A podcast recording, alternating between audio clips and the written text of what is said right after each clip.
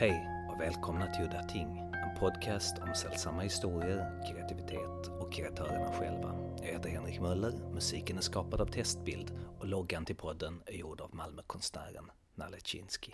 Jag måste tyvärr nämna att min ljudutrustning började haverera på allvar under inspelningen av det här avsnittet. Jag har gjort mitt bästa för att tvätta bort oljud från de värsta klippen så att ljudkvaliteten är varierande.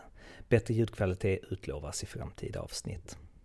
Det här avsnittet ska handla om den italienske regissören Lucio Fulci och de surrealistiska, framförallt skräckfilmer som han var mest känd för. Jag vill tillägga att den här podcasten inte kommer i närheten av ett rättvist karriärsporträtt eller genomgång av Fulcis hela 56 långfilmer. Utan som vanligt så fokuserar jag på de filmer som jag själv tycker är intressanta. Men jag kommer såklart att gå igenom lite snabbt hans grejer som han är mest känd för, för de som inte känner till det. Jag har gjort lite research och lyssnat igenom några andra podcasts som behandlar Fulci och jag tror att den här podcasten faktiskt kommer att landa ganska högt. Det började så här. När jag gick i andra klass så snackade jag med en kille i min klass, han hade en äldre bror som hyrde och swappade skräckfilm på VHS. Han berättade om en film som han hade sett som heter Huset vid kyrkogården. En helt ny film vid det tillfället. Och det groteska monstret i den som slaktade folk på olika sätt och åt upp liken. Det var liksom helt kört för mig att se den här filmen eller hyra den på VHS i butiken. Att hyra en VHS i butiken vid den tiden kostade hela 55 kronor. Det var ju alltså dyrare än att gå på bio. För på den tiden så var det fortfarande coolt att man kunde sitta hemma och kolla på film i sin egen soffa. Men skit i det nu. Den här historien om filmen lämnar mig inte och jag blev besatt av att se den här filmen. Det skulle dröja mer än sju år tills jag slutligen fick tag i filmen. En evighet för en åttaåring.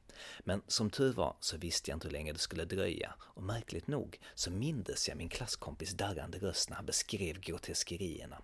Det visades ju en och annan skräckfilm någon gång om året på de två kanalerna så utbudet på tv på den tiden. Men ingen sån här skit. Enligt gemene mans sunkiga, trötta filmer med fumliga monster och zombies som sliter ansiktet av en gubbe i slow motion i ett badkar fullt med skitigt vatten till slöa, brusiga syntmattor.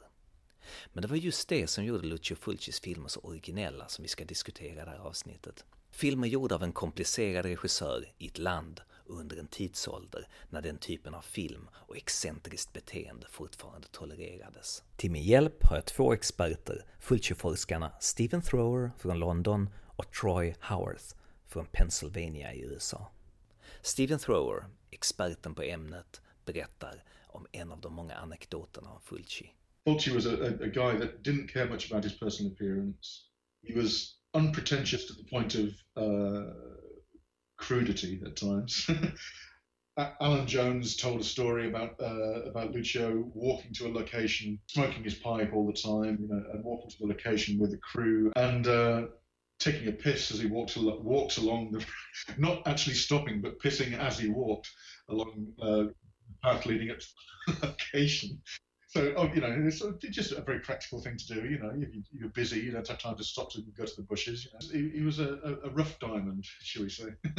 Troy Howarth, författare till Fulci-boken Splintered Visions. By most accounts, outwardly very crude. He was very foul-mouthed. He wasn't very concerned about his appearance. He was uh, known as being rather a sloppy-looking man. As a matter of fact, um, a lot of people in Italy called him Lucio Pulci. Uh, Pulci apparently means fleas in in Italian, uh, P-U-L-C-I instead of F-U-L-C-I. Um, so that was kind of a reference to the fact that he looked a bit disheveled and a bit sloppy. But in spite of that, he was an incredibly intelligent, very well read, uh, very uh, articulate, and uh, very, uh, I think, in a way, very sensitive man. So he had a tendency to test people. And uh, I think he liked to see how far he could push them. And if they pushed back, he liked them and he was very loyal to them. But if they just sort of folded over, he could be very aggressive and unpleasant towards them. And if he thought that they were getting by more on, uh, let's say, if they were involved in a relationship with somebody or they were getting by on their looks or something, he could be very, very cruel. Do you have an example of a situation like that? Fulci was extremely aggravated with the actress uh, Auretta Gay, who was in Zombie and uh, she's the woman that uh, very famously did the uh, the new scuba dive scene, you know, and she runs into the zombie underwater. And apparently, she was one of those actresses uh, who was hired more for her physical attributes than for her acting abilities. And uh, Fulci apparently did not like that very much. And he apparently, according to Richard Johnson, got so angry with her at one point that he threw himself down on the ground, started rolling around and, and eating the grass. And Richard Johnson was watching this. Of course, Richard Johnson, very distinguished, very British, uh, very you know, very deadpan, is watching this. And Fulci said, "If I don't eat of the grass, I'm gonna eat of you." You know, so that that always amuses me that that story. And uh, David Warbeck, uh, he told a story one time about uh, Fulci being so into uh, what he was doing, you know, directing a sequence. Uh, he was sitting on top of this camera crane, and the camera was doing a complicated movement, and Fulci was sitting on the crane and, and directing, and was so into what he was doing, he didn't realize that he was approaching a uh, a beam, a, a wooden beam on the ceiling so at one point, you know, they're doing the sequence and they don't realize what's what's coming, and all of a sudden they hear this this terrible "ow" coming from the background. It turns out that Fulci had smashed his head into the beam because he was so into directing the sequence. Stephen Thrower är mest känd för att ha skrivit den fantastiska Fulci-boken Beyond Terror. En av de absolut bästa, om den kanske inte den absolut bästa boken om Fulci. When did you first meet Lucio? Getting it ready around the time that Fulci was in the UK uh, to attend a film festival here, which was in the mid 1990s. He looked like a Canadian logger, a checked uh, jacket that looks, you know, like like a workman's jacket almost. You know, uh, you, nothing at all pretentious or nothing at all sort of. Uh, he wasn't concerned about his visual image at all. You know, for a man that had worked in the film industry as a director for 30, 40 years, he wasn't going to put on a suit and tie just to impress you, you know, essentially. I met him there and he was in a very, very good mood. He had lots and lots of around him and he was in, he was in very high spirits.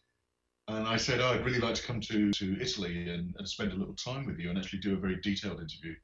Uh, would that be possible? And he said, yes, yes, we will do that. And you must come to my house. I live near uh, Lake Bracciano and we can walk uh, by the lake and have a chat. And of course, this sounds wonderful, doesn't it? It sounds fantastic. You think, oh, well, this is going to be this is going to be great. We're going to, you know, actually going to spend some quality time. Uh, but um, when I actually arrived in Rome at the um, at the arranged time, I'd flown to Rome, and then when I rang him from the railway station to say, well, I'm getting the train, uh, he said, no, I don't want to do it. I was obviously quite upset and quite angry, really, you know, that uh, he, he was sort of telling me to go away when I'd come all that distance, you know. Um, so I rang him back about 15 minutes later and said, I really don't, you can't do this. This is this is really unfair. Can uh, sort of like, can we at least meet tomorrow or the day after? And he said, no, no. And he got very angry. He was prone to very erratic mood swings, and his health in in latter years meant that he was more and more unpredictable in that sort of way. And uh, the um, sadly, the, the, the big career-long interview that I was going to use as the basis of the book didn't work out. Eventually, I talked him round to agreeing to an interview, but it was a very, but it wasn't a very long one. It was about two hours. You know, I went to his house in in uh, this little. Very, very beautiful village called Bracciano. And I, yeah, I sat and spoke to him. Extremely unreasonable, flew into a rage for, for, for, for, very, very slightest provocation. He thawed and gradually started to get into the interview a little bit more, and uh, but he was in a he, he was in a bad mood. Basically, he didn't really want to do it. He was, you know, and um, and I wasn't in a terribly good mood either, to be honest. It wasn't a successful uh, interview. I, I did use a little bit of the information that I that I gleaned uh, in the book, but it wasn't it wasn't a sufficient interview to print as an interview in the book, so I ended up not doing that. So, what was the first film of his that you encountered? I was in a cinema in in Yorkshire, which is where I lived at the time.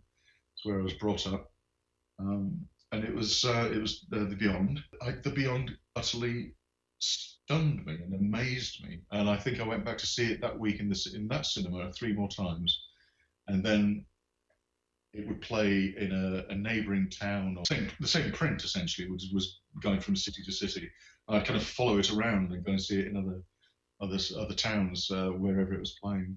So I must have seen it about twelve times or something like that in the space of a year or something. So. But what was it about his work that fascinated you so much? I like the sense that the there's an illogicality to the plotting and a, a, a sort of um, unpredictable quality. The whole appeal of the supernatural for, for, for Lucio, I think, was that it, it allowed him to become more surrealistic. When, when people die in the films, that it's not like just a, a knife attack or a, a bludgeon or gunshot or whatever.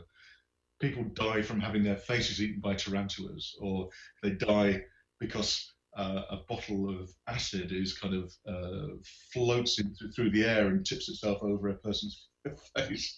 Totally unpredictable. You, you don't know what's going to happen next in that movie.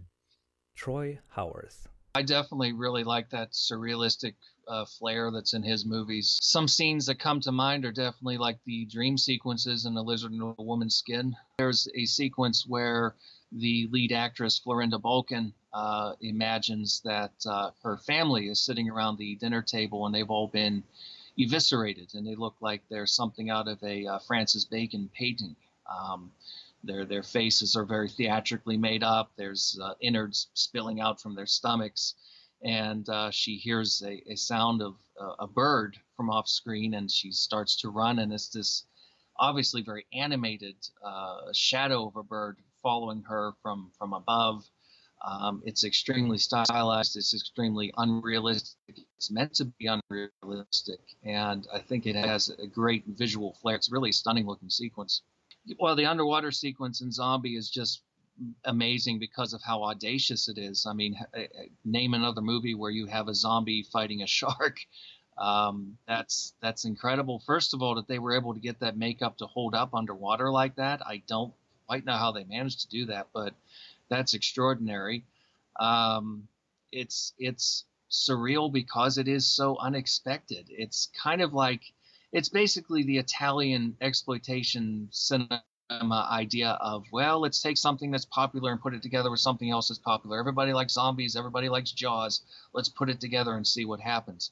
And uh, it's great, and it, it's not that it comes off like it's a ripoff because it is completely unique. It, I love it because it is so completely out there. I mean, who else would have thought of something like that?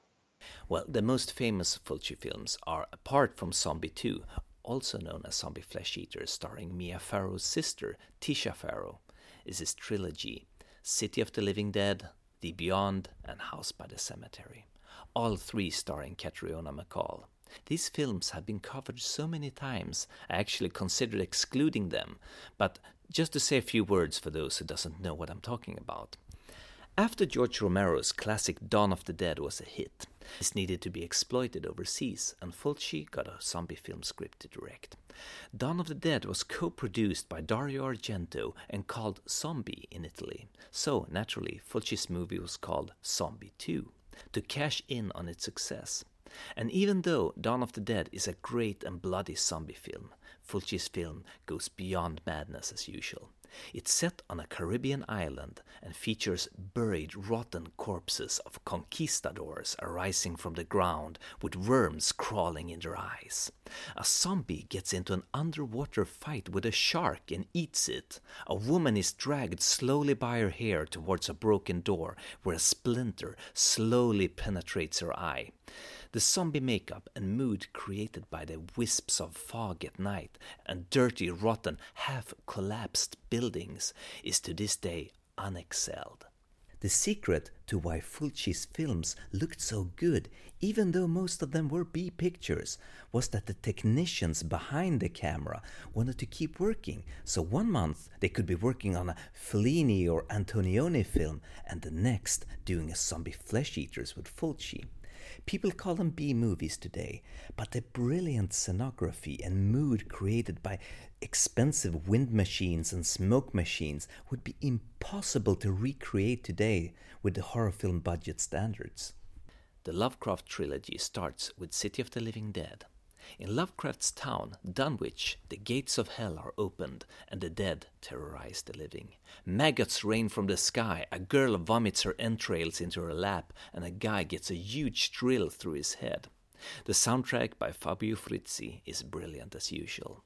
City of the Living Dead, I've heard, had the least budget and the shooting schedule was extremely stressed. All the films that were made at that time, I think Catriona MacColl said that she thought it was the shakiest one in terms of production, that it was, that, that it was, it was a bit rushed and there wasn't as much time and it felt a little bit less stable as a production surrounding ones. But I'm not really aware of any specifics on what the what the production problems were. Even on Blu-ray, the image is really grainy. City of the Living Dead in particular is an extremely grainy movie, and I don't know if it was shot in 16 millimeter, but it was shot in some sort of a, a strange format and then blown up, and I think that accounts for all the extra grain in the film. Um, I think that there is added clarity to the image, but with that added clarity, there's a lot more grain, so it's kind of a trade-off.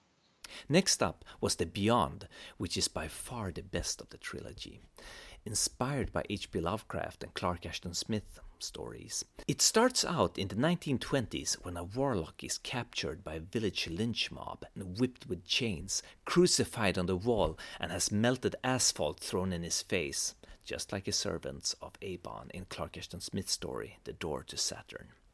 In his home is also a very eerie and cool picture of a nightmarish landscape, which is apparently hell. There is too much funny silliness, absurdities, and grotesqueries in this film to talk about everything here. But one thing mentioned by Fulci's daughter Antonella. By the way, I tried to get in touch with Antonella and get her on the show, but she just didn't answer my mess.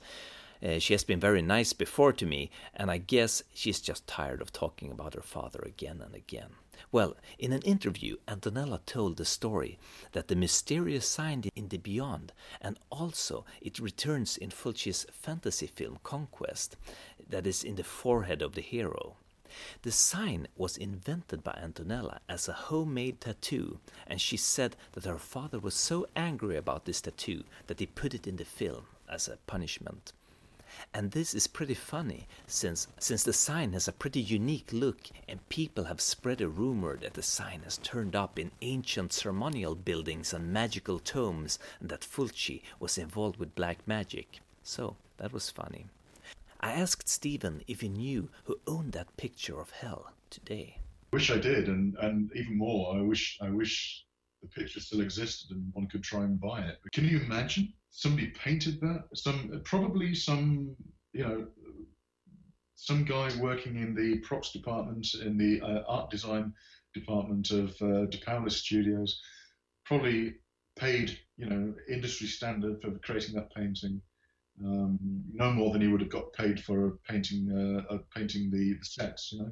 Um, that amazing, wonderful picture was created and then probably trashed, thrown away after the film. So certainly Lucio didn't have it. Did you ask him about it?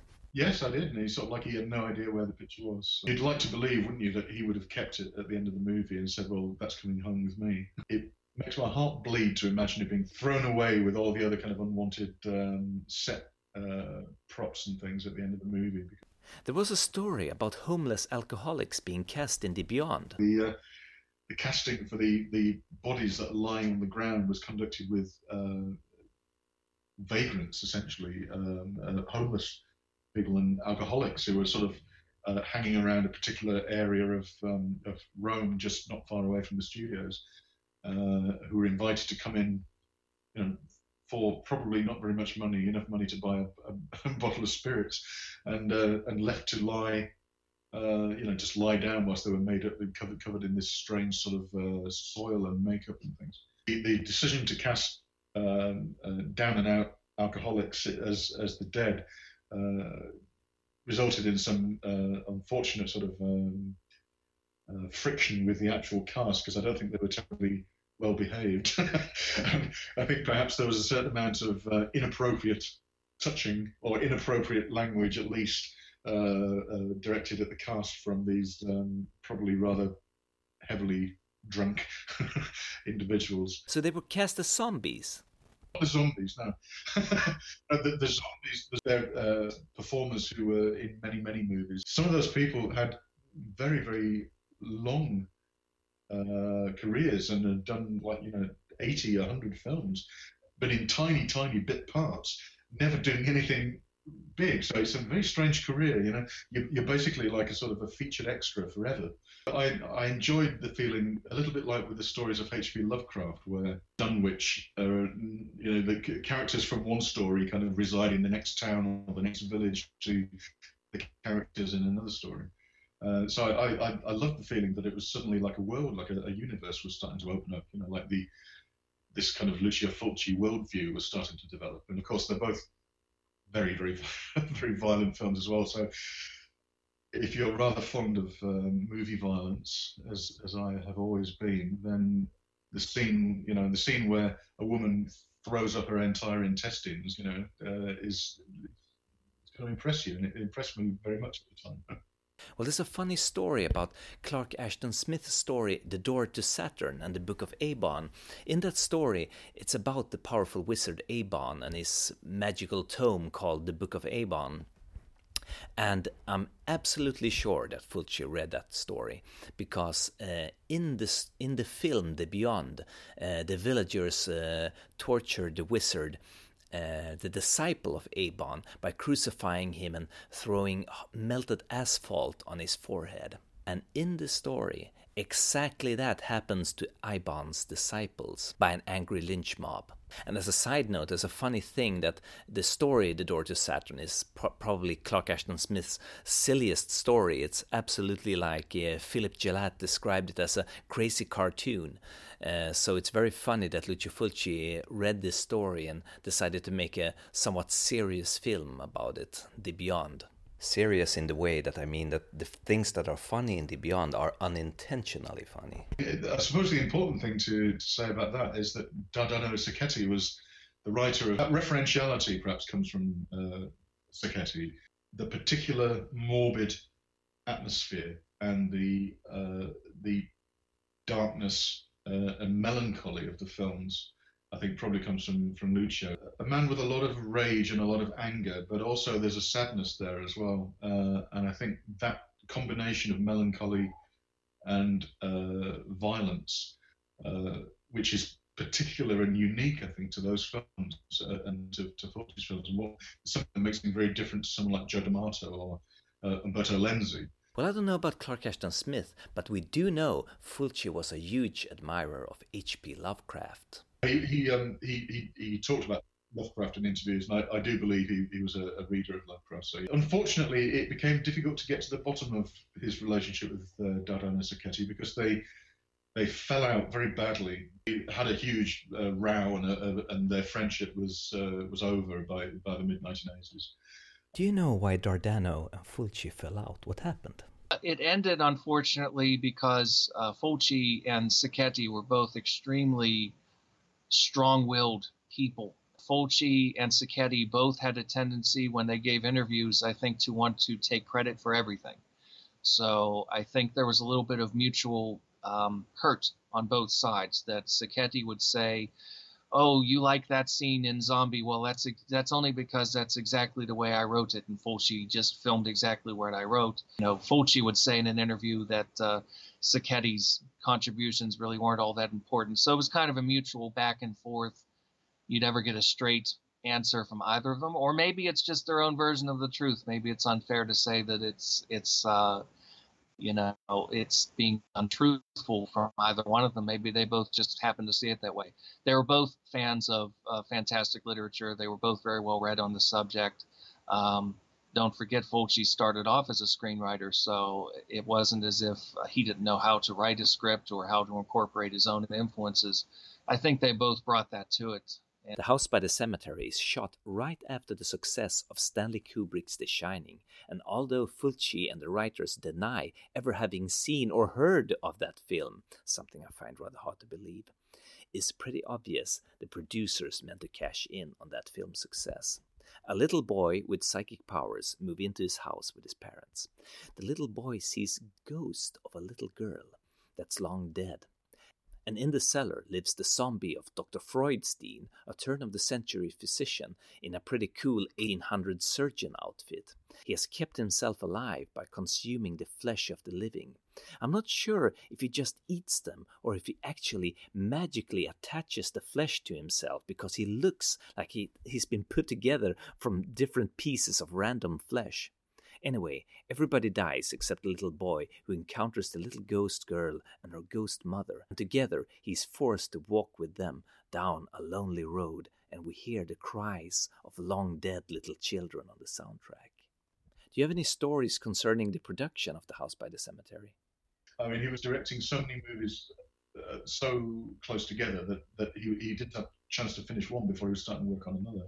I mean, it was originally going to be called Freudstein or Freudstein, um, which uh, some people may well know that that's the uh, the name of the monster in the film. The film doesn't thematically, it doesn't really deliver on the possible meanings of the word Freudstein, Freud and Frankenstein. There's a guy who worked there as the head of foreign sales uh, called uh, Michael Freudenstein or Michel Freudenstein. Fulci had worked with uh, Titanus before, so um, it's not impossible that the name had amused him or amused Sacchetti perhaps, uh, uh, and that it was basically a, a, a steal from a, a, guy that they they met in the film industry in Italy. Uh, I, I, think that probably is the explanation for the name more than any kind of um, attempt to patch together the significance of uh, Sigmund Freud's uh, career and and the literary uh, um, significance of the Frankenstein myth. Well, one of the things that's significant of a Fulci film is the sadistic and drawn out sequences of violence. Where in a regular film, when someone has their throat cut and blood spurts out, it would last only about a second, but Fulci dwells on it for like what feels like 20 30 seconds, an eternity on screen, and often in extreme close up. This is one of his great innovations.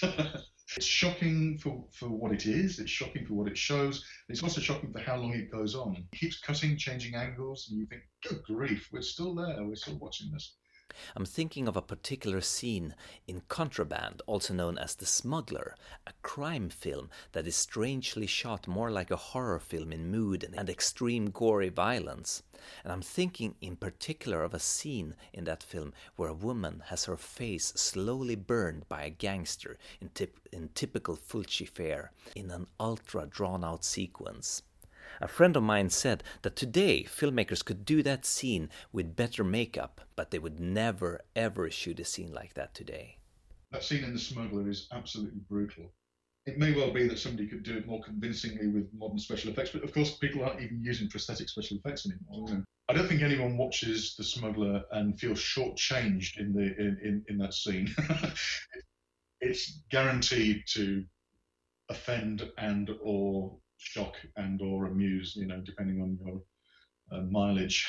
um, but uh, I, I, always found that scene really horrible, really difficult to watch. Uh, the the peculiarity of it, I think, is as much to do with the fact that he uses a piece of music by um, Fabio Frizzi uh, over the scene, which has got this kind of insistent, kind of slightly disco, sort of funky disco rhythm. You know, narratively, the point is that you're dealing with uh, a, a, dangerous lunatic and a, um, a, sadistic psychopathic character who, when he finds, you know, she, she's a, for, for, people who haven't seen the film, um, it's the scene where a woman passes uh, a consignment of drugs to uh, uh, the head of this drugs cartel. He tests the drugs and finds out that it's cut, and uh, he takes his revenge on the woman for selling him cut drugs by uh, burning her face with a, a Bunsen burner you know, a flame. John Waters said something uh, on the subject of this, uh, not on Lucio Fulci, but in general about the shocking things in films. And he said, "To be shocked makes me laugh." Part of part of the appeal of these movies is that when Lucio goes all out to do something really stunningly grotesque, I'm knocked out. I've, I just feel admiration for the sheer determined, dogged desire to uh, part you with your lunch. in order to understand Lucio, you have to remember he spent all of the, virtually the whole of the 1960s as a, a comedy director. He had some extremely unfortunate experiences uh, in the late 1960s, early 1970s, involving the death of his wife and uh, and uh, the death of one of his daughters. Uh, his his wife committed suicide because she was diagnosed with cancer. Um, Fulci recalled that he came back from the set and he was greeted by his mother at the door, and he said that uh, that the mother told him that his his wife had uh, uh, committed suicide. She had used gas and and killed herself, and uh, obviously that was a terrible um, thing for him and for his his two daughters. I think that left a terribly dark stain on on his psyche, uh, and I don't think he was ever quite the same again. Uh, so you get this guy who was working professionally as a comedian, as a, as a writer for comedians and a writer writer of comic scripts, and develops a much more um, angry sort of artistic uh, persona. Kind of strange, really. It's not so strange. It's fairly common and well known that many comedians have a very dark or sad past that has made them who they are. Almost a cliche, but then again, it turns out to be so true so often that I guess it's one of those cliches that there's a reason why it became a cliche. It's because there's so many examples. Uh, yeah, so so true. Yes, I mean the the the um, the, the, the comedian's mask is often. Uh, often hides a great deal of uh, darkness, doesn't it? Fulci didn't seem to be an auteur like Dario Argento, writing in a specific genre. He seemed to take a bit of everything that came along. And the more you look into it, the more you find that a lot of a lot of the movies he was making, yes, were were essentially producer generated. A producer would have a, a, desire to make this or that movie, and uh, they would get in touch with him because they thought he was the right man for the job. So he wasn't necessarily walking around with a burning desire to make, you know, this film or that film. Uh, he, he, was often just uh, taking the best, taking the best of the suggestions offered to him at any one time.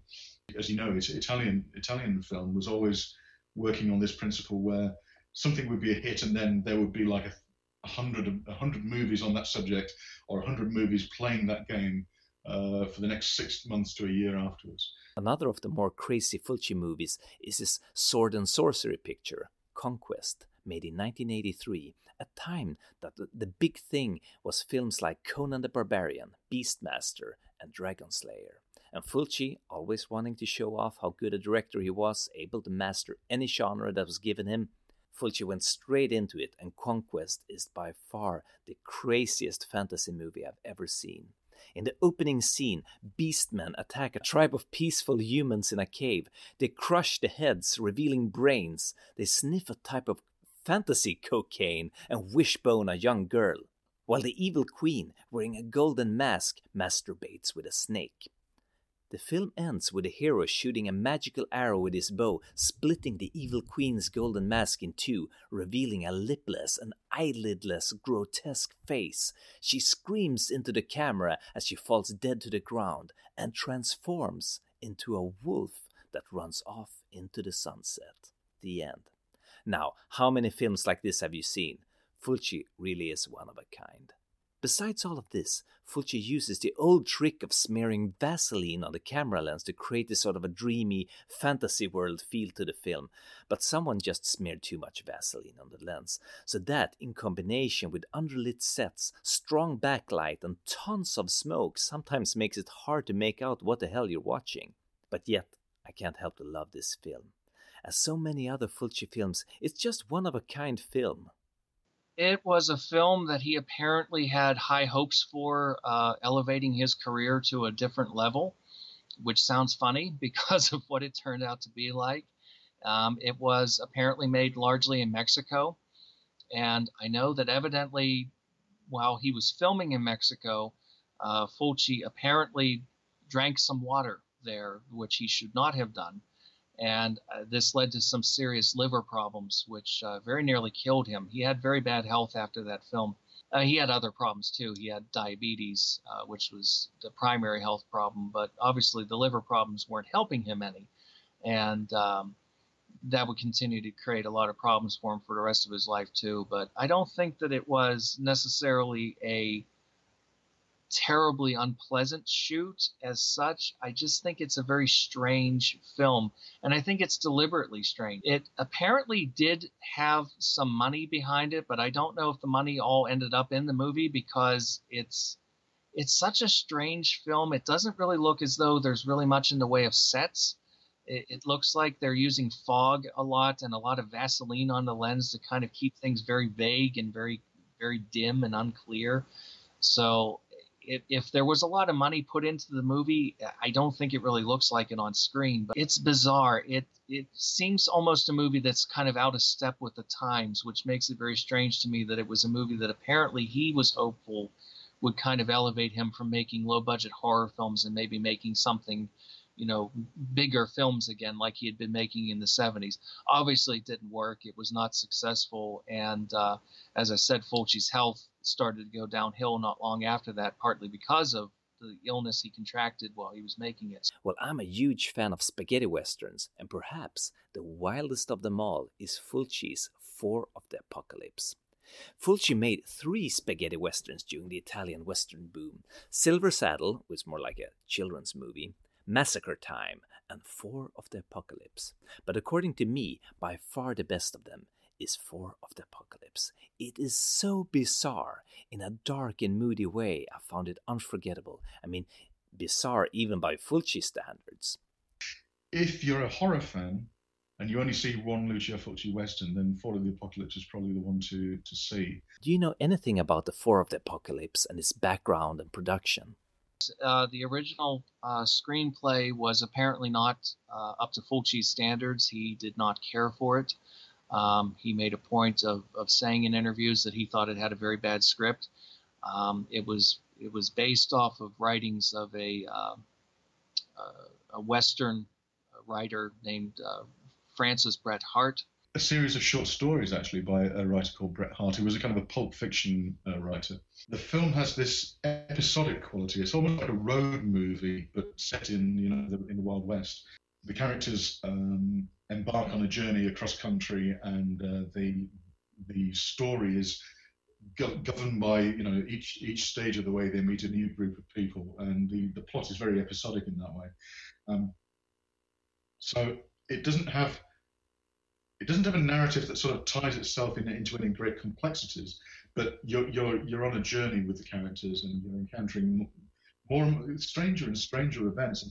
There are plenty of surreal scenes in Four of the Apocalypse, like brilliant actor Tomas Milian, who plays a bandit that just shows up out of nowhere halfway through the movie and tortures the protagonists.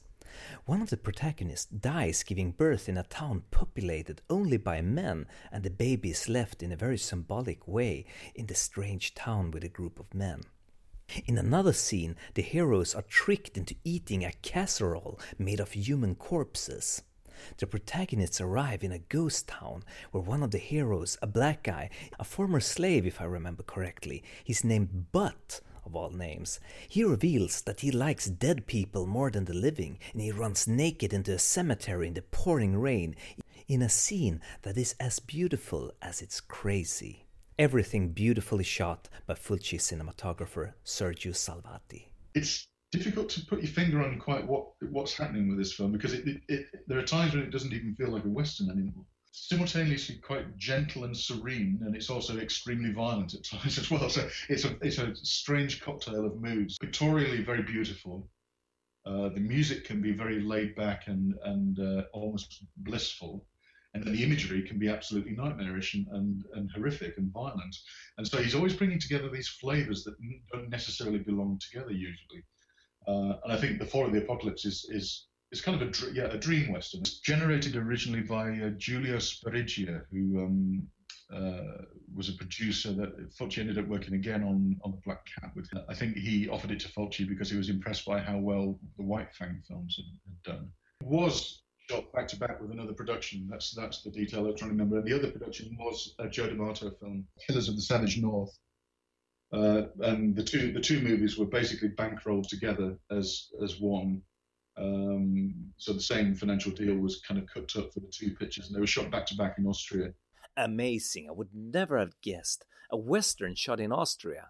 I guess they, I guess they managed to keep the uh, you know, the snowy peaks out of sight in in, uh, in, the background. But it makes sense when you remember that the um, that the Altaville scenes, the scenes in the men-only city, are filmed in a, a snowbound uh, city as far as the production goes, to me, it looks as though there was a fair amount of money put into the movie. It, it looks excellent. It has great production value. It has a very interesting cast, a very eclectic cast.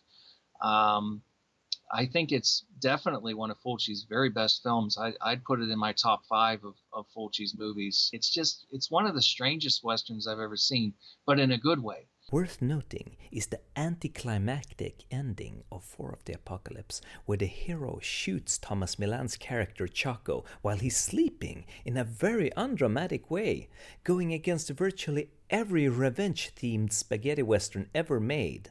Well, it defies expectations because you're you're you're led down the path of believing it's going to be the usual kind of Sergio Leone standoff sequence, and it isn't. Um, in some respects, uh, Stubby, the hero played by uh, Fabio Testi, kind of uh, takes the cowardly way out a little bit, doesn't he? Some people would find that anticlimactic. I think it works. I think it works because it's established that Chaco is so vile and so evil. He's he's basically Charles Manson of the Old West. Uh, he's even made up to look a bit like Charles Manson. But I think Tomas Milian, who's absolutely brilliant in the film, uh, was one of the actors that Fulci really truly respected. And as a matter of fact, he starred in arguably his three best films. Why do you think Fulci liked Milian? Well, he, uh, Tomas Milian was indeed a, a serious actor. He took his work seriously. It didn't matter whether he was doing a film for Visconti or he was making some silly uh, Poliziottesco film for Umberto Lenzi. He took it all seriously. He was very inventive. He had a wicked sense of humor, which I'm sure appealed to Fulci very much. Um, I, I think he was one of those guys that probably fought back. If Fulci ever tried to push him, I'm sure Mil- uh, Tomas Milian had no difficulty pushing him right back. And uh, they liked each other. Uh, Milian felt that Fulci was a better filmmaker than any of his movies ever let on. He he said that he felt that Fulci was a little too indifferent about the end result, that he was more interested in just getting the paycheck and just sort of doing the movie in a half-assed manner. I don't agree with him, but that's what he felt. Um, he he felt that Fulci had talent that went beyond anything that he ever directed. Some say Fulci didn't like westerns, certainly not in the way John Ford or Sergio Leone did. His westerns have a nasty, depressive edge, gritty, ugly landscapes, and where there aren't even any likable anti-heroes. He regarded himself as a, a journeyman filmmaker, which is to say, whatever came his way, he would make it. He was a cinema fan. He loved uh, John Ford. He loved Howard Hawks. He, he loved the the classic westerns, and I think he understood what made them work. And I think he just had that kind of bizarre outlook that he knew how to bring something new into it that you wouldn't necessarily expect in a western. So I think his his first two westerns in particular have a, a nasty edge to them that you don't necessarily associate with with westerns necessarily. Um, Massacre Time was his first kind of quote unquote violent movie. It's his first movie with really any kind of gore content. Um, I mean, it's pretty sedate compared to the movies he made later on, but it does have a sadistic streak. You have a villain in it who who clearly gets off on the violence. Uh, there's a scene in the movie, uh, I think it's at the beginning where uh, he sets his his uh, dogs loose uh, and and on this um, on this man who has displeased him, and the dogs catch up to the guy and tear his throat out, and, and Fulci zooms in on his mouth as he's kind of licking his lips over this, and it's that kind of fascination with seeing flesh being torn apart that just you know that sets it up right there. What's going to happen explode later on in the 70s with with the violent horror movies he ended up making. So it, the, the westerns in a way kind of bridged the gap between the early comedies and musicals that he directed, then going towards the thrillers and then into the horror films. The film Lizard in a Woman's Skin is a film that is rarely discussed, probably because it's not a horror film, but a giallo. But then again, not really a giallo, it's weird, surrealistic imagery. It has special effects by Carlo Rambaldi, who later built the first Alien together with H.R. Giger, and later Possession and Dune. Maybe most famous for creating E.T. in Spielberg's film. Rambaldi created vivisected dogs for Fulci's film that were so realistic that Fulci was brought to trial for animal abuse, and it was only after Rambaldi demonstrated the puppets in court that the charges were dropped. Do you have anything to say about this particular film? The one that I find just keeps getting better and better when I go back to it is uh, Lizard in a Woman's Skin. I think it's one of his most interesting stories. It's it's one of the one of the most complex narratives that he ever worked with. Beautifully acted, and he's got one of the very best film scores. I think the Morricone's score for Lizard in a Woman's Skin is not just it's not just one of Fulci's best scores, but it's one of Morricone's best scores. I think it's just absolutely staggeringly good. I like the sense of a film that's based around a duplicitous character that is that is the film is playing the same game as the character, trying constantly to throw you off the scent and to to make what you think you know and what seems self-evident uh, something that you have to doubt. And in turn, and, and that's something that the Giallo movies like to do is to throw doubt on everything and everyone. But I think of all the of all the Giallo movies made in Italy in, in, in the seventies, I think Lizard is probably uh, the most sophisticated and the most uh, slippery uh, in the way that it uses various techniques to try and dissuade you from believing what you think you know. Who wrote the script? He wrote it in collaboration with uh, his his usual collaborator at the time, uh, Roberto Gianviti. Um, Fulci was, as I've mentioned, was a very accomplished screenwriter in his own right, and at that time, the Giallo films were popular because of uh, Dario Argento.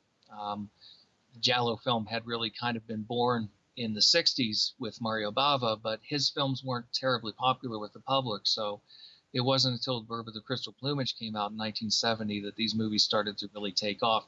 Fulci had actually made his own first thriller before that. He'd made Perversion Story back in 1969, and he co wrote a uh, thriller that Riccardo Freda uh, directed called Double Face with Klaus Kinski that same year. So he had some experience with thrillers already, but uh, basically at that point, uh, the producer Edmondo uh, Amati was looking for movies like Bird with the Crystal Plumage, and uh, he knew Fulci, and Fulci was at, a bad time in his life. It was after the suicide of his wife, and he was, I'm sure, having problems being a all of a sudden single dad, raising two daughters on his own, and uh, so these were classy films at this point. I mean, th- these weren't the movies he ended up doing in the 90s. These movies actually had budgets and money. You had uh, international name actors in Lizard or Woman's Skin, like uh, Stanley Baker and Leo Genn, for example. These were very distinguished actors to be in movies like this. So there was a lot of money put into that movie. It ended up doing extremely well at the box office. It was an extremely successful film. Then we come to a film that I don't really like, but it has to be presented here because it really is one of the most famous or infamous Fulci films. A film that to this day is banned in many countries and still cut by three minutes in the UK due to the film's graphic sexual violence. Most Giallo films have an evil, whispering killer, but in this film, the killer, the Ripper so to speak, imitates Donald Duck when he stabs his victims. The film opens really great though, with a man throwing a stick to his dog and the dog comes back with a severed hand in its mouth and the screen freeze frames on it to the opening titles with disco music. This was the first time I'd ever seen anything like that in a film. I asked Troy Howarth what he thought of the New York Ripper. I I love the New York Rippers. I understand why it's controversial. I understand why many people despise it. I hated it the first time I saw it myself. I, I found it incredibly offensive the first time I watched it. Um, the first time I watched it, I had the same reaction I think a lot of people do, and I, I which was just basically this guy's getting off on seeing these women being mutilated. This is disgusting, and it really bothered me. And I it you know, this was back in the days of VHS, so I took the tape out of the VCR and I almost wanted to throw it down the toilet. I thought this this movie is disgusting. But what was interesting was over the next several days, I couldn't stop thinking about it.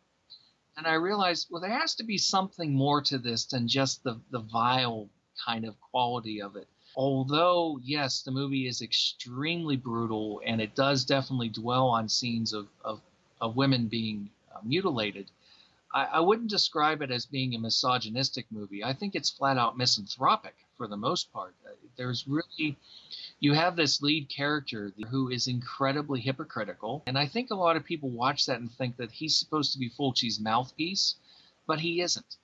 Um, he's he's the guy who basically allows this this uh, prostitute that he's sleeping with uh, get killed over the phone because he doesn't want to let on that he knows where she lives. Uh, he goes in and he lectures about morality to these people while he's on the side. You know, he's a policeman having sex with a prostitute. He's he's not meant to be your sort of moral point of focus. There's a great sequence in the movie where Alexandra Delli Colli plays this uh, uh, very affluent, very wealthy um, nymphomaniac who likes to go out and hook up with, with different men. The argument that the movie was suggesting that she deserves what she got. If if I felt like it was suggesting that, but I don't think it really does. I think there's a great suspense sequence where you really want to see her get away. She's tied up in the bed with the guy that she thinks is the Ripper sleeping next to her. She manages to get herself free. She manages to escape. And you're you're pulling for her. You want to see her escape. You don't want to see her get killed so I think that the idea that Fulci is suggesting that all these people, all these women that are getting sliced up, you know, deserve what's happening to them. I think that's that's a kind of a knee-jerk reaction. I think the movie is much more complex than that. And you also have a killer who has this incredibly twisted pathology, but there's a very heartbreaking final scene that comes out of that. Uh, where you know basically he has this little girl who's who's dying in the hospital and the movie ends with you know the, the killer is dead and we see the little girl in the hospital trying to get a hold of her father on the phone and she's crying you know why doesn't dad want to talk to me? It's a heartbreaking ending. I don't think it's uh, i don't think it's an easy movie to love. I think it's intentional i think it's a bit like fulci himself. I think it's a tough bastard of a movie. Let's talk about Manhattan Baby. I guess this is the film that started the downfall, even though it's considered by some to be part of the Fulci horror canon. Shot right after The New York Ripper, Manhattan Baby, a film combining inspiration and scenes from The Exorcist, Poltergeist, but perhaps interestingly, it is said to have inspired Clive Barker when he made Hellraiser a few years after, with the evil amulet trading hands. Do you have anything to say about it? it was an unhappy experience for everybody involved, from what I can tell. It, it was, I think, intended to be something different than what it turned out to be. I I know that the Egyptian sequences were apparently imposed on the movie later on. I'm surprised by that personally because, for my money, the, the Egyptian scenes are probably the best scenes in the movie. The big problem I have with the movie personally is I, I just don't think the lead actors are very interesting. Could totally see somebody like a Tomas Milian or a John Saxon or Christopher George or David Warbeck, somebody like that playing the lead role, and it would have been so much more interesting. Uh, Christopher Connelly to me is extremely flat, and I don't find him to be a very good lead. It's it's a strange film. It's extremely sluggish. It seems to lack energy, but yet it has sequences of great effectiveness, just in terms of not necessarily in terms of what happens, but in terms of how they're how they're filmed, the framing, and so forth. I think the ending is is wonderfully weird it's it's a fairly well shot and edited sequence. I mean, the effects might be a little bit crude, but hey, it's okay because it, it has that uh, anything goes attitude that I really do like about these movies. I know that you like The Devil's Honey. It's the same lead actress as in Dario Argento's opera, right? They were actually sisters. Uh, in in uh, the Fulci film, it was Blanca Marsillach, and in Argento's film, it was Christina, who was her sister. And as a matter of fact, they were both together in a film that Fulci wrote um, that he did not direct. He was going to direct it, but he was ill, so it was directed by somebody else. It was a movie called The Trap.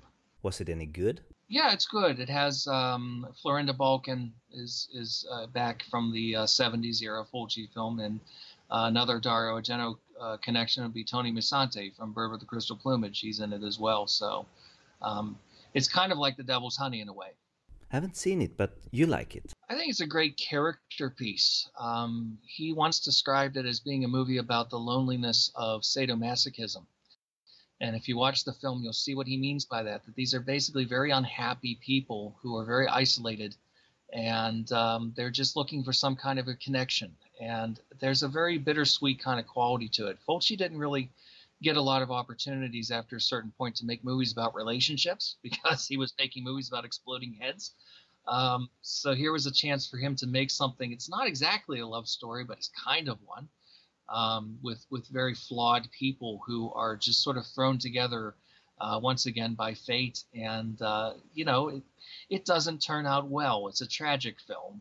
In some respects, I think it is his last really, truly good film. Again, he came to that movie after an extensive illness. You can see him in the film. He plays a, um, a vendor who sells uh, the lead actress a, uh, uh, a charm bracelet.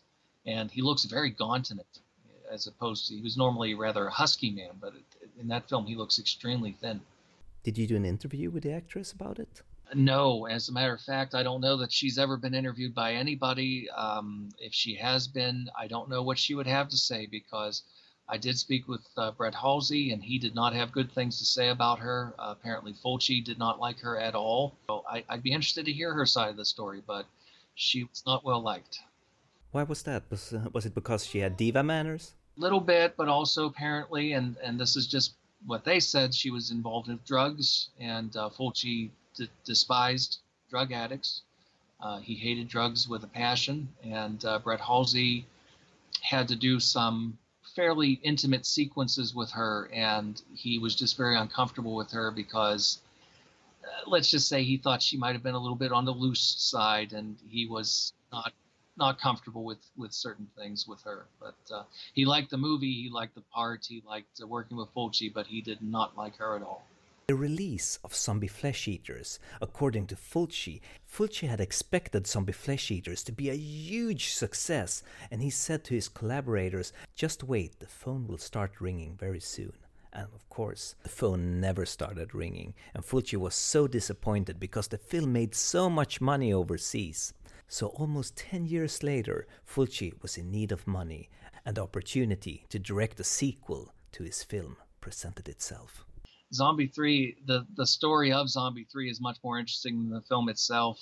I, I interviewed the lead actress uh, in that film, uh, Beatrice Ring, who was the most incredibly sweet woman I spoke with. She is such an incredibly positive, just big hearted woman, very, very kind. And she hated Fulci and she kept apologizing because she's not a negative person but yet he made her life absolutely miserable and she despised him for it. So she she was the one person i interviewed who really said a lot about fulci that that was very negative. But um, basically fulci at that point he was as ill as he ever was. He was in a position where he was desperate for money. Um, they had been talking about doing a zombie 3 earlier, which was going to be a 3D film. But then some of the 3D films that came out around that time weren't terribly profitable, so they decided to shelve that idea. Then this other group of people involving uh, Claudio Fragasso and uh, uh, Bruno Mattei and all those different people uh, came up with the idea of doing a, a Zombie 3 in the Philippines. So Fulci, who was in very bad health, uh, goes to the Philippines with his daughter Camilla to assist him. And the, the temperature and the humidity and everything, it was miserable down there. He, with his liver problem, he was retaining fluid in his stomach. He was very, very gaunt. I have a picture in my book you can see of him. Um, looks like he's actually wearing pajamas on the set. He's gaunt. He looks horrible. He looks like he's ready to drop dead any moment, but he has this huge belly and it wasn't because he was fat it was because of the fluid. So he would have he would be able to work up to a certain point during the day but then he would have to go and he'd literally have to have his his stomach drained of all this fluid that was being retained. So he obviously was not in a good mood. He was not happy. Um, he probably was worse than usual which is probably why beatrice ring had such a bad experience with him. Um, he did the best job that he could under the circumstances. The, the script was terrible. The actors he was working with, for the most part, weren't very good. The crew wasn't very good. Um, you know, the, the circumstances just weren't weren't positive in any way. So his version of the story is he turned in a cut that ran about 75 minutes. Uh, other people said that his version ran not even an hour. So basically, they realized it was too short, and they had to add in some footage. So at this point, Fulci said, I'm not going back to the Philippines. I'm done. I don't want anything else to do with this movie. So Bruno Mattei was brought in, and Bruno Mattei filmed all of these sequences. Anything that you see in the film that does not involve the lead actors like Beatrice Ring and uh, Deran Sarafian and so forth, all those scenes, like with the people in the uh, the hazmat suits, you know, the uh, the all that stuff was was filmed by Bruno Mattei. I think roughly it's about a 50-50 split. That some of it, half the movie is Fulci's and the other half is Bruno Mattei. And um, I would say that the Bruno Mattei material is probably some of the better material that maybe he ever directed because I'm not a fan of Bruno Mattei's movies in general. But the stuff that Fulci made, now, you know, obviously you don't want to just make excuses for the man, but he really was in a bad way at the time, and, and I don't I don't think that anybody could have really made much out of that film. It's it's pretty bad. Sweet House of Horrors is another insane film. I can't even begin to describe it, but in the end of the film, the two dead parents of the little children enter two small stones in a way of staying with them forever as they go. The children finally walk out of the house, where the evil spiritualist sees them hiding something in their pockets and tries to confiscate the stones. But when he picks up one of the stones, his right hand is melted and he screams in agony. And the little children are seen laughing crazily into the camera at the end in a freeze frame. my initial my initial reaction to the Sweet House of Horrors was not good at all. I, I didn't I didn't like it at all the first time I saw it. I have to admit it grew on me a little bit when I when I watched it a couple more times. I I kind of appreciated it a little bit more. It's a weird movie because it's in a way it's almost like it's a children's movie, but yet it's clearly much too brutal to be a children's movie. I don't know if anybody quite could make up their mind what it was supposed to be. The House of Clocks is another made for television film that impressed me with its insane script. Apart from the violence that seems more forced and exploited than ever, the surreal elements are at work again. I'm not sure but in one scene, a group of stoner kids try to rob and murder the inhabitants of the house, only to be killed themselves and then waking up in the car. I read somewhere that it was implied that they had been a massive hallucination from smoking weed in the car and then just waking up there again and the whole thing had been just a dream. But others say that it's the House of Clocks turning back the time. I don't know, I've just watched the movie once, I actually like The House of Clocks. I think that's one of the better later Fulci films. I think it's it's in some respects it's kind of an elegant little movie. It, it was, as you said, it was made for TV. It's extremely violent for TV. As a matter of fact, it was never shown on TV for that reason. It, it, as you may recall, there's some extremely gory sequences in it. So I think the idea that Fulci was playing around with a lot was basically the inevitability of fate, that you, you cannot escape your fate. Uh, time isn't what it used to be, and basically these characters are probably going to keep reliving this this over and over again. It's kind of a purgatory, uh, paying for their sins idea. That's how I kind of took it. In an interview in the middle of Demonia, Fulci, when asked about that fans want a proper remake of Zombie and more good films like the one he made 10 years ago, Fulci said that he just made two good films for television, one called Sweet House of Horrors and House of Clocks. zombie, zombie Part 2, Part 3. Uh, oh, Part 3, yeah, film. yeah, yeah, so It's not my film. Yeah. This is my film. I shoot for TV for Dania Film in Italy. But the name is the, the House and the Time. And the other, The Sweet House of Horror the Sweet Horror's House. It is two, two good films for, for TV. So, apparently, Fulci was pleased with these films, something I find rather strange. Lucio's fortunes were tied very much to the fortunes of the Italian industry as a whole. Uh, and in around 1983 84, the bottom fell out of, of the Italian film industry. American studio pictures started to uh, play the exploitation game themselves. And of course, if Steven Spielberg wants to make an exploitation movie, he can make it on, you know, 40, 50, 80 million dollars. The audiences then become accustomed to seeing, you know, um, if, if, if, if a Nazi's face is going to melt and they uh, in Raiders of the Lost Ark, then that sets the standard for how melting Nazis are meant to look in other people's movies as well, you know. And so, g- given that the Italian exploitation industry couldn't really keep up with that level of financing, uh, the international sales started to go down. Uh, and then really uh, television was the last gig in town eventually in the early 90s. I mean, I think maybe Joe D'Amato and, and Lucio were just about the last people working. A Cat in the Brain, Nightmare Concert, använder klipp från Touch of Death, en annan Fulci-film som gjord några år tidigare. Touch handlar om en solovårare som förför och slaktar rika kvinnor för att sedan steka och äta deras kött. Slaktavfallet maler han ner och matar sina grisar med skiten i svinstian. Touch använder en unken buskis. Det finns hur många scener som helst, men till exempel en där mördaren inte kan stänga bakluckan med liket för att benen sticker ut och fastnar. Brad Halsey is an American actor. When Fulci he offered him Touch of Death, uh, he read the script and he said, "You know, I think this would be much more interesting if we added some comedy to it." So he and Fulci worked on adding in that kind of element of dark comedy to the film. So it's kind of like a uh, a splatter version of uh, Charlie Chaplin's uh, Monsieur Verdoux or something like that, where you have this uh, literal lady killer going around and uh, killing off these women for their money. It's very over the top and it has a very sardonic sense of humor. And, and Halsey said that that was not how it was originally written, but Fulci was agreeable to transforming it into that. I Nightmare Concert återanvänds klippen från Touch of Death som en film i filmen, som Fulci själv då, som spelar sig själv i filmen som regissör, regisserar. Fulci driver här med fördomen att skräckfilmsregissörer är sinnessjuka och eller blir drivna till sinnessjukdom genom sitt yrke. Något som han själv blev anklagad för hela sin skräckfilmskarriär.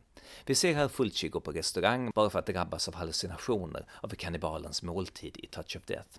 Illamående flyr han ut. Vi ser honom skriva manus till sin nya film och kameran zoomar in mot hans huvud och in inuti hans huvud där en galen rabiessmittad katt klöser sönder hans hjärna. Ni fattar grejen. I think the idea of Cat in the Brain was a good one. I think if he would have had time and money, uh, he could have made a better film out of it. I think if he would have had the freedom to sort of reach back into his filmography and pull out the real jewels from the really good movies, he would have done. But he was making it for the same company that made those movies, and he was obliged to use those clips.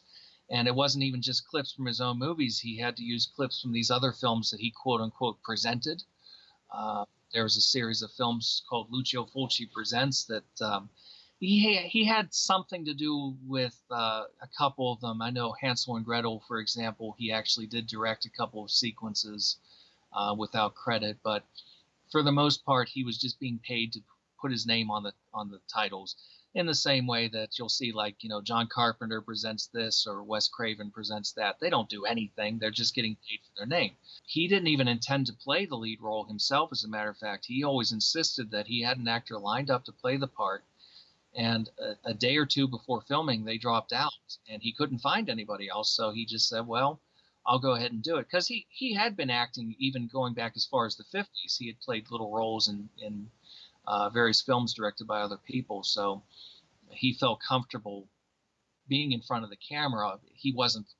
I don't think anybody would argue he was the greatest actor in the world, but he it, it's part. It's I think if the movie has appeal, it's largely because it's so much of just Lucio Fulci on camera, and there's something kind of precious about that. I think it's fun for what it is. I mean, I, it's one of those movies. It's incredibly crude. It's it's extremely rough around the edges. There's this kind of very handcrafted thrown together kind of feel. You kind of feel like you're watching some, you know, you're looking at a painting that hasn't quite dried yet. Fulci skulle sen komma att regissera två filmer till. Voices from Beyond och Door to Silence. These last two films, it's very interesting. They're they're very very preoccupied with death, and a lot of Fulci films are. But given their proximity to being at the end of his career and the end of his life, it's interesting to see a man who's just basically having a dialogue with death. And uh, it's kind of dealing with the idea is there something beyond what we're dealing with here on Earth? Is there another plane of existence? Is there another form of consciousness? Is it, do we just rot in a box when we're dead, or is there something beyond that? I, I think there's something a little bit poignant about that when you realize the, the kind of shape he was in when he was making these movies. He was very ill and uh, he didn't realize he was going to die as young as he did. And he was only 68 when he passed away. But um, you know, his his health problems certainly made him look older than that. Um, so I think Voices from Beyond is in its own way. I think it's it's a very worthy, uh, well crafted little movie. It even has a little uh, dream sequence with zombies, so Fulci's last zombie movie in a sense. Um, Door to Door to Silence is a movie that most people seem to despise, but I kind of like it. I, I would describe it as being like a Twilight Zone episode that's been admittedly overstretched to an hour and a half. Um, it is a lot of John Savage driving around in a car sweating, which doesn't sound very exciting, I know, but I think it's interesting in the sense of how it plays around with time. You were talking before about the House of Clocks and its its relationship with time and and here's here's a movie where again time is almost sort of standing still and it's it's a sense of uh, it's a sense of a life that is kind of in limbo in between one world and the next. And that's probably not the most cinematic of concepts i admit but i i find it kind of interesting. And I, I for whatever reason i just find it to be one of those movies that I don't I don't want to use the word comforting, but it's just kind of it's not a uh, it's not an unpleasant movie to watch. It doesn't it doesn't offend me in the sense that it seems sloppy or it seems inept or it seems half-hearted. Um, only two of Fulci's movies really irritate me to the extent that I could never really see wanting to watch them again, and those are The Ghosts of Sodom and uh, Demonia. Why do you hate Demonia? I just remember it having absolutely fantastic sets and mood in the monastery and crypt scenes. They actually filmed. They actually filmed in real crypts in in Sicily, and uh, Brett Halsey, uh, when I talked with him, talked about how there was a lot of there was a lot of superstition and there was a lot of people who were very upset about. They were filming in there and there were real skeletons and it was this was the real deal. So they kind of lucked into that aspect of it. Um, there really wasn't much money on the film, and that becomes very apparent when you watch it, uh, especially anytime there's any kind of gore sequences involved, where you can see he's he's got he's got the idea for a really really good spectacular nasty sequence, but it's executed so poorly. Um, there's a sequence where a guy is drawn and quartered, for example. His his legs are tied to a tree, and it's so botched in the way it's executed. It's such a shame because it's the kind of thing that back when he was working with that crew in the 80s with people like Giannetto De Rossi and so forth, uh, he could have created an amazingly beautiful but horrific sequence. And here it's just like, this is so sloppily put together. And really, according to what Brett Halsey told me, they ran out of money and the movie was basically really never finished. So what you're seeing is. Uh, is is admittedly unfinished, and they're just trying to sort of glue it together and hoping that it holds together, but it doesn't quite do so. Of course, there could be said a lot more of Fulci and his films. Certainly about Fulci's own favorite film, Beatrice Cenci. But unfortunately, the show is now almost 75 minutes long, the longest show so far. Finally, the tragic last years of Fulci's life was a struggle to get the film The Wax Mask made with Dario Argento as a producer.